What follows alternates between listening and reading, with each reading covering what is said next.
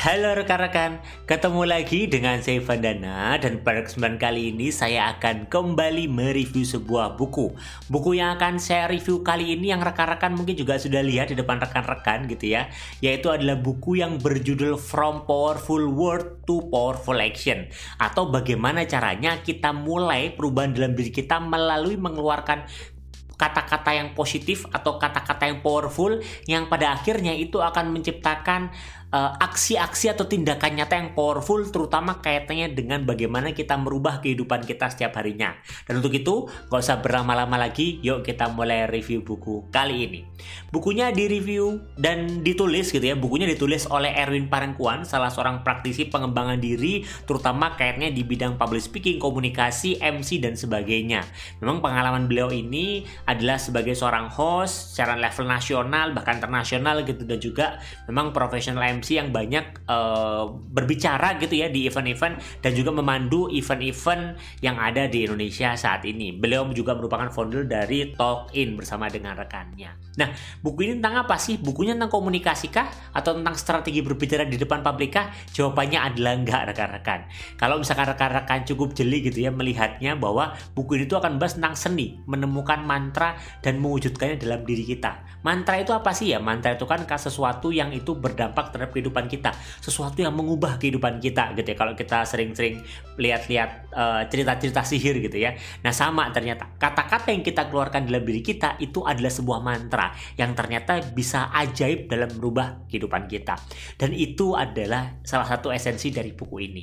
Yaitu yang buku ini tuh membahas tentang bagaimana sih apa yang kita pikirkan setiap harinya itu adalah buah dari perkataan kita. Artinya apa? Kata-kata yang kita yang kita sampaikan, kata-kata yang kita ucapkan setiap harinya ini itu ternyata memprogram pikiran kita. Contoh misalkan, kalau misalkan eh, rekan-rekan uh, merasa bahwa eh, rekan-rekan capek dan ngomong ah aku capek gitu ya. Nah ternyata kata-kata aku capek itu itu berdampak sekali terhadap pikiran kita. Akhirnya pikiran kita mengkondisikan ya memang kita lelah gitu.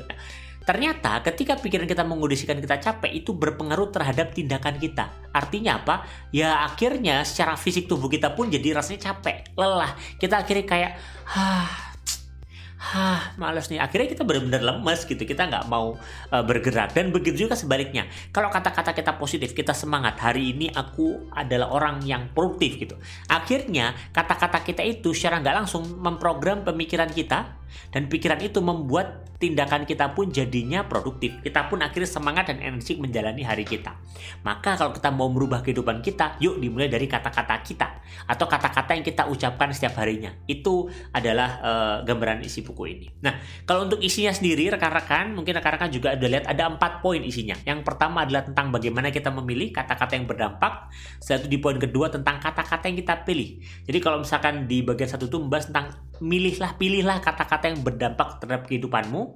Di bagian kedua adalah mempelajari tentang bagaimana kata-kata yang kita pilih itu bisa merubah emosi kita. Kata-kata negatif, emosinya negatif, kata-kata positif, itu emosinya positif. Dan yang ketiga adalah membahas tentang kebiasaan, karena perubahan hidup kita itu nggak hanya bisa dimulai lewat kata-kata, tapi dimulai lewat kebiasaan atau tindakan kita.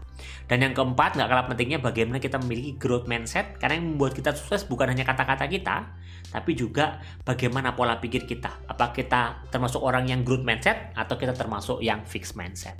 Untuk untuk pembahasan satu persatu, yuk kita bahas saat lagi. Di bagian pertama tentang pemilihan kata-kata yang berdampak, ini memang menceritakan tentang pengalaman pribadi gitu ya. Pengalaman pribadi dari seorang uh, Erwin Parengkuan gitu ya. Pribadi seperti apa sih? Yang itu goals pribadinya itu perlahan itu listnya sudah dicoret. Goalsnya itu perlahan sudah dicentang-centang tuh. Kenapa?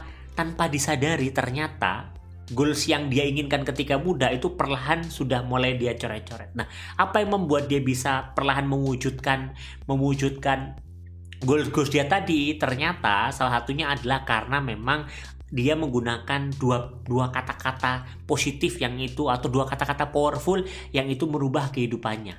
Kata-kata pertama uh, yang itu juga merubah kehidupannya banget itu adalah kata-kata tentang kamu adalah apa yang kamu pikirkan. Nah, jadi uh, you are what you think. You are what you think. Maksudnya apa sih? Ya maksudnya kamu adalah apa yang kamu pikirkan. Kalau kamu berpikirnya itu bisa kamu lakukan, ya kamu akhirnya akan bisa mewujudkannya. Tapi kalau kamu berpikir itu tidak mungkin kamu lakukan, ya sampai kapan pun kamu nggak akan mau mengeluarkan effort atau usaha untuk menjalankannya.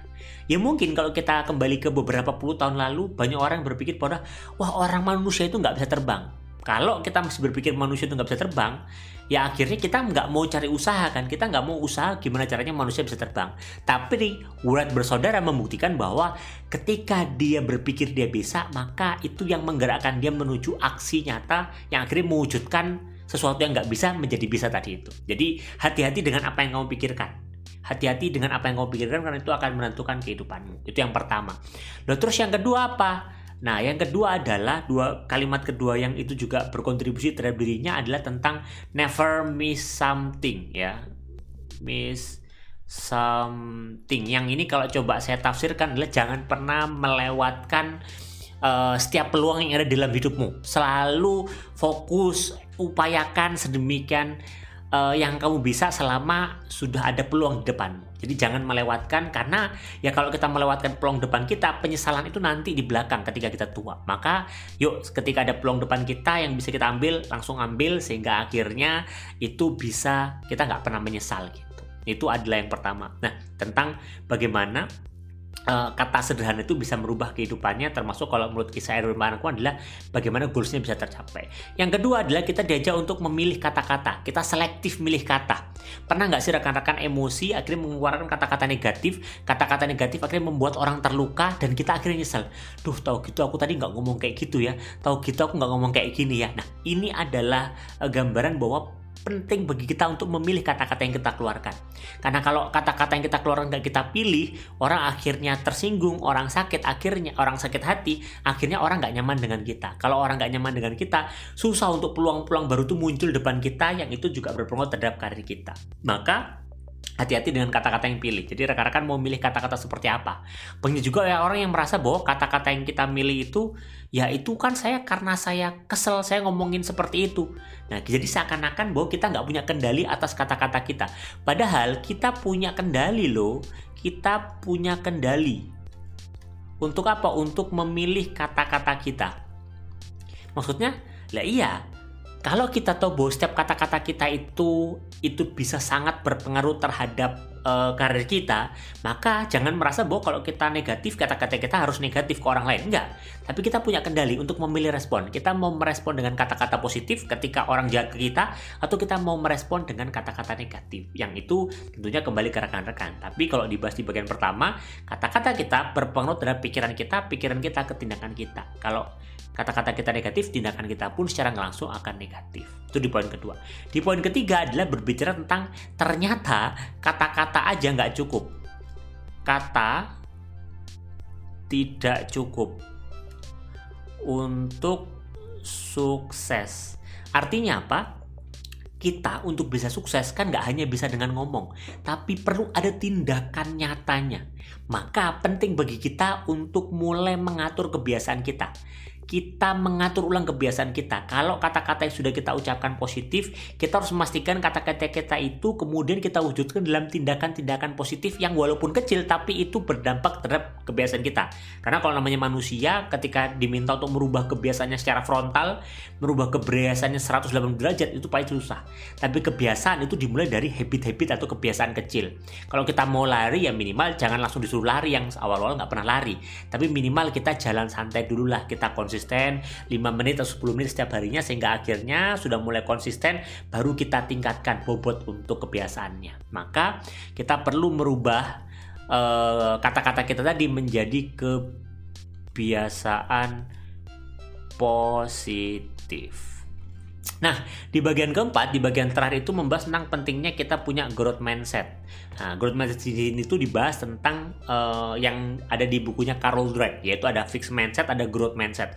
Fixed mindset itu merasa bahwa ya itu nasib, gak bisa dirubah. Apa yang ada dalam diri saya itu itu adalah nasib, itu adalah fixed mindset.